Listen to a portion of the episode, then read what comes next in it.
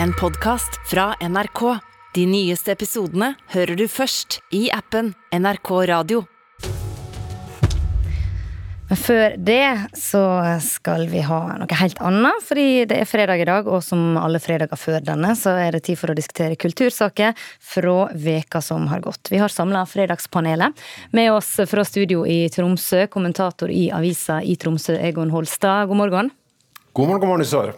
Mathilde Fasting, idéhistoriker og siviløkonom ved tenketanken Civita. God morgen. Hei. Og god morgen til deg, Audun Molde, førstelektor i musikk ved Høgskolen Kristiania.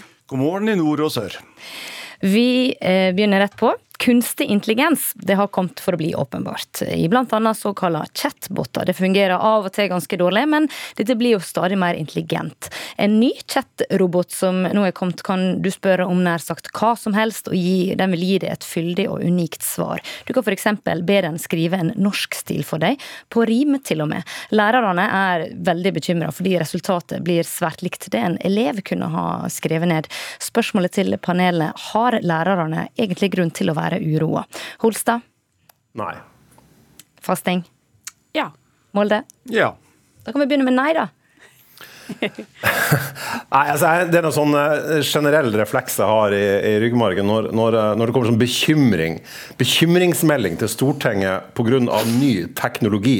Eh, Så tenker jeg at Det var helt sikkert noen som sendte bekymringsmeldinger til Stortinget da skrivemaskiner kom, og da spanskrøret ble tatt fra lærerne, og da kalkulatoren kom, så kom jo ingen til å lære seg gangetabellen eh, noen gang mer. Så jeg tenker liksom at denne evnen til å tilegne seg kunnskap i forskjellige disipliner da, og, og, og sette dem i sammenheng, kommer til å være i skuddet lenge etter både undertegnede og de som har sendt bekymringsmeldinger, er lagt ned i torvet. Så jeg tror det som at ny teknologi må man enten omfavne og bruke konstruktivt, eller så kan man sette og sende bekymringsmeldinger og, og ønske at verden skulle bli sånn som den egentlig alltid har vært. Og det siste tr- tror jeg ikke så veldig mye på at er en klok eh, løsning. da. Nei, jeg, jeg kan i hvert fall ikke gangetabellen. Fasting bør vi være bekymra for sånne som meg. Altså, jeg tror det er noe kunnskap her som, som lærerne kan være bekymret for. At elevene kan bruke den typen teknologi til ganske fort, og at de ikke kommer til å oppdage det. For det er jo det de er bekymret for. ikke sant? At eh, eleven plutselig leverer et eller annet som den ikke har skrevet eller gjort selv. Og derfor, derfor så kan du si at eh, de er jo sikkert urolige pga. det, men som selvfølgelig så, så er den jo der. Så de må jo prøve å finne en eller annen måte å å, å gjøre undervisningen på, eventuelt testingen på, som gjør at elevene faktisk lærer det de skal, og ikke bruker eh, teknologi og bare leverer et eller annet. Hvis mener trykke på knappen 'skriv dette', gå og sette seg og se på TV, og så komme tilbake igjen og så ta ut stilen og levere den, det er jo ikke meningen. Da har du ikke gjort en jobb. Molde? Nei, ja, Bekymringen er vel litt på egne vegne òg, kanskje. da. Både eh, lærere og, og, og forskere kan jo også være bekymra. Jeg kan jo skrive inn i chatboten, lage en forelesning om hva som helst. eller kan, Du kan la, skrive en kronikk om noe, sant? og så får vi det. Så det er ikke bare elevene man blir bekymra på vegne av. Men jeg tror kanskje man må forholde seg til det da, som en virkelighet. Man kan ikke kjempe mot den teknologien, men heller jobbe med den. da. Kanskje det er som en ny måte å gå på biblioteket på, bruke en sånn chatbot. Og så tror jeg det er viktig for eh, akademia og utdanningssektoren også, også understreke at eh, kunnskap eh, er jo noe annet enn informasjon. Altså Informasjon er liksom den mest primitive formen for kunnskap. Mye viktigere er det jo med evne til refleksjon og forståelse og dybdelæring, f.eks., som er et begrep nå i de nye læreplanene i, i videregående skole. Så det, det er en viktig oppgave for for lærere og forskere og studenter å forklare liksom, forskjellen på informasjon og, og kunnskap. Altså, det er greit å liksom inn på at Vi har jo hatt internett i et par år uten at uh, norske skoleverket har gått til grunne. Um, og jeg Sjøl er jeg 51 år. Jeg har altså venta på kunnskapspiller og lasersverd siden jeg var sju år. Og fortsatt sitter jeg altså nå da i to, to, 2022 og snakker på NRK radio om bekymringsmeldinger til Stortinget pga. ny teknologi. Det syns jeg er ganske fornøyelig. Men det var jo også en, en, artikkel her hvor de hadde tatt og laget forsider på bøker. altså Hvor de hadde latt en, en sånn artificial intelligence-program bare kjøre ut forsider. Og du kan si det som var resultatet da i en sånn kreativ prosess som en forside på en bok er, eller eventuelt annen design, det var jo at ok, kanskje det funket én av ti ganger, men egentlig så kom det jo masse kommentarer fra både forfattere og fra forleggere og fra designere og alt mulig under, som gjorde at man ser at det er mer enn bare å putte det inn i datamaskinen. Det var mye som foregikk rundt også. og Det kan jo kanskje lærerne lære noe av, kanskje. Og så er det jo bare en, en maskinlæring av språk. da. Den, altså den Chatroboten vet jo ingenting om uh, sannhet, f.eks. Den har ingen kontakt med virkeligheten. og Du putter jo bare masse sånn gjetninger på språk inn i den. og Du kan jo skrive, skrive en stortingsmelding om kunstig intelligens, og så får du sikkert det. Vi skal på neste tema. You hear that? That is the sound of hearts breaking all around the world. She's becoming a royal rock star. And then everything changed. There's a hierarchy of the family. You know, there's leaking, but there's also planting of stories. Ja, igjen så brenner det under beina på det britiske kongehuset. I går publiserte Netflix tre av totalt seks episoder av en dokumentar der de to avhopperne Meghan og Harry kommer med påstander om familien til prins Harry. Dette har de gjort før, men Netflix har også i årevis tjent enorme summer på serien The Crown. Spørsmål til panelet. Har vi hørt nok fra Meghan og Harry nå, Molde? Ja. Fasting? Nei. Holstad? Nei. Nei, Molde? Ja, men det er jo bare begynnelsen. da, for Det er jo dette de skal leve av de neste årene. Å selge seg sjøl som en perfekt familie og en salgbar familie. Samtidig som de har fått 1,1 milliarder norske kroner eh, i forskudd fra Netflix for å produsere innhold, som det heter. da, og Det er jo bl.a. å syte og klage over uh, hvor fælt de har det og hvor synd det er på de da. Så det er jo en sånn fascinerende businessmodell. da, Men personlig så kan jeg tenke meg andre ting å bruke tida på enn å se på det, altså. Så du er lei? Jeg var ikke interessert. Men altså, jeg ser jo f.eks. engelske aviser i dag. Jeg skanna litt gjennom noen forsider, og en av de skriver jo at eh, ja, ja, de eh, syter og klager over media, men det er jo media de lever av. Og i mellomtiden så er vanlige folk i England opptatt av å ha råd til å kjøpe nok mat til jul og ha varme i husene sine. Så ironisk nok så illustrerer jo det at kongefamilien, eh, representert ved Harry og Meghan, står ganske fjernt fra vanlige folk sine problemer. Fasting? Ja, altså Man kan jo være personlig lei av uh, Harry og Meghan, men jeg tror at kongelig stoff er utrolig bra stoff uansett. og Særlig når det er litt skandaler og litt konflikter, sånn som det er her. og Det britiske kongehuset er jo eksperter på å få opp det, så jeg tror at uh, Netflix her har sikkert uh, gjort et kupp. Betaler dem for å lage en såkalt dokumentar. Man er ikke helt sikker på hvor dokumentarisk alt sammen er. Det var bilder der som tydeligvis ikke hørte hjemme i dokumentaren osv. Men også det at de skulle fortelle sannheten om seg selv, ja ja, ok, men det er bare første skrittet. Neste sannheten kommer jo på en annen tilbakemelding. Senere så kommer det noen andre som skal fortelle hva den egentlige sannheten er, og så har du det gående. Så det er jo en super businessmodell. Holstad, bør vi lytte til Meghan og Harry? Nei, vi bør jo definitivt ikke lytte til dem. Eh, det var jo heller ikke spørsmålet jeg sa nei til.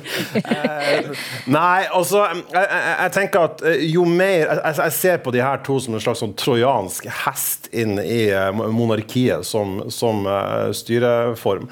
For at når det er noen av de mest altså det her er noen av de mest bemidla uh, privilegerte og sutrende, selvrettferdige, selvopptatte tullingene vi har i, i, i, verden. Og det at de sitter og soper inn eh, en milliard på Netflix-rettigheter, 200 millioner på forlagsrettigheter og nå det samme på podkastrettigheter. Eh, og sitter og syter og klager over at medietrykket er så voldsomt. Så tenker jeg at dette skaper bare en voldsom sånn forakt for denne styringsformen eh, monarki, som er jo en slags sånn middelaldersk anakronisme av ei kvise på et moderne demokrati. Så det at, det at liksom Nyhetsmorgen på NRK, som jeg hører på hver morgen, bruka ti minutter i går på å snakke om, med korrespondenter og eksperter å snakke om det her, og du får en ny dose i Dagsnytt 18, og du får enda ny dose i Dagsrevyen etterpå, så tenker jeg at denne overeksponeringa av det her, det tror jeg er rett og slett eh, på sikt noe som vil føre til at eh, vi får en større forakt for denne dumme styringsformen, og så får vi kvitte oss mer. og Det syns jeg egentlig er helt da tar supert. Pressen, pressen masse penger. Tenk på så mye pressen også lever av dette her, da, hvis de er villige til å betale det. I Tromsø, som jeg jobber i, er heldigvis helt uavhengig av det engelske kongehuset, og det er jeg svært glad for. Håper vi kommer til å fortsette å Og så er vi jo en nasjon av kongehuseksperter. Vi er jo alle kongehuseksperter. Absolutt. Vi går over på neste tema, som handler om eh, søking på Google og historikken. Eh, For denne veka offentliggjorde Google topplistene over hva vi brukere søker opp aller mest. Og blant det vi nordmenn lurte mest på, var hva er pinse, og hva er EU? I tillegg så gikk ordet Ukraina igjen.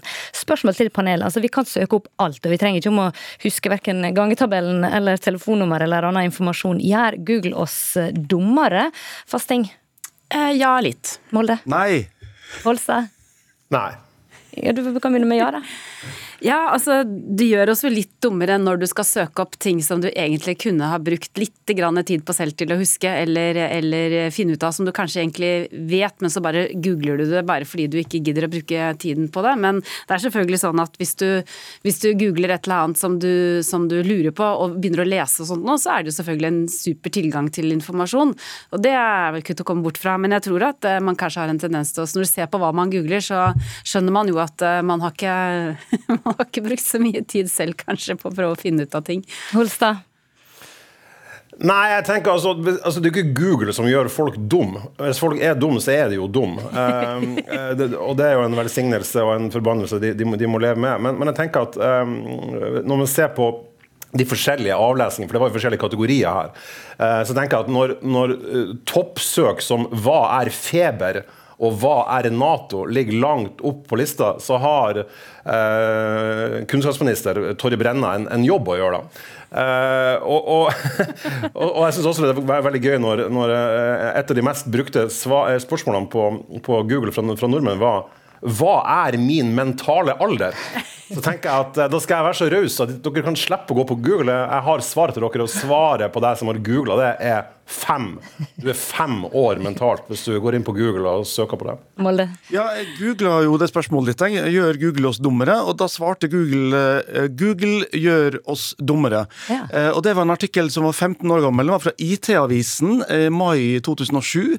Og så så jeg at det var et kommentarfelt nedover der hvor det sto en del eksempler på at det sa folk om kalkulatoren, som jeg nevnte også. Så nei, altså hvis jeg blir dummere, så, så er det min egen skyld. Altså. Jeg skal ikke skylde på Google for det. Hva forteller det var, det, var, det var, noe helt utrolig avslørende også med oss som nasjon på det her. For det, det var, altså, de, de, de, norske personene det var søkt mest på i Google i 2022, det var liksom Jarle Bernhoft, Mari Maurstad, May-Britt Andersen, Daniel Kvammen og Øystein Greni. Og tenker, Heldigvis sneik Arne Treholt seg inn på en tiendeplass, sånn at det ble litt action. Men vi er altså i ferd med å bli en helt men, enormt nasjon. Det, mask det var vel Maskorama, det hadde forklaringer for ja, ja, ja. mistenkte personer bak maskene. Det er, ikke sant, det er akkurat det. sånn at Du ser jo at det speiler, som, som akkurat du var inne på, i, ikke akkurat hva er pinse, for det kommer hvert år, men altså ja. At Ukraina er med, er for så vidt forståelig. Men hva forteller denne søkehistorikken om oss som personer? Jeg tror at man veldig lett bruker det nå når man følger med på andre ting, og så blir man nysgjerrig, og så googler man. Så tipper at eh, Harry og Meghan kommer til å komme høyt opp på listen, eller kongehuset eller sånn, og folk sitter og følger med på det. Og hvis det drar Nå har jo vært The Crown også, ikke sant, så det er masse Du ser jo det også internasjonalt, at man, man søker på det som foregår i mediene. Kanskje nå fotball-VM og alt som har med det å gjøre også. Mm. Jeg, også, jeg, vil, jeg, vil, på vegne av oss som har fått gleden av å være fredagspanelister, takke for en fin tid. For jeg skjønner at nå vil dere NRK google alle spørsmålene istedenfor å invitere folk. Og dere kan jo også, Neste gang så kan dere invitere tre sånne chatboter som kan svare utfyllende og presist på alt som dere spør på. Du få en algoritme som at noen må svare ja, og noen må svare nei. Ja, det er veldig viktig å få inn. da. Jeg tenker, jeg tenker det er veldig fint at, at, at, at den årlige gjengangeren 'hva er pinse?' kommer, det er, eh, det er også en, en, et tegn på at de kanskje begynner å snakke litt lavere om vår vestlige kristne kultur. For den er åpenbart på, på full tilbaketog, og det er jo også gledelig. Og det blir siste ord, men det tar vi i fredag. Takk skal dere ha, kommentator i avisa i Tromsø, Egon Holstad. Mathilde Fasting er det historiker og siviløkonom ved tenketanken Civita, og Audun Molde, førstelektor i musikk ved Høgskolen Kristiania. Du har hørt en podkast fra NRK. De nyeste episodene hører du først i appen NRK Radio.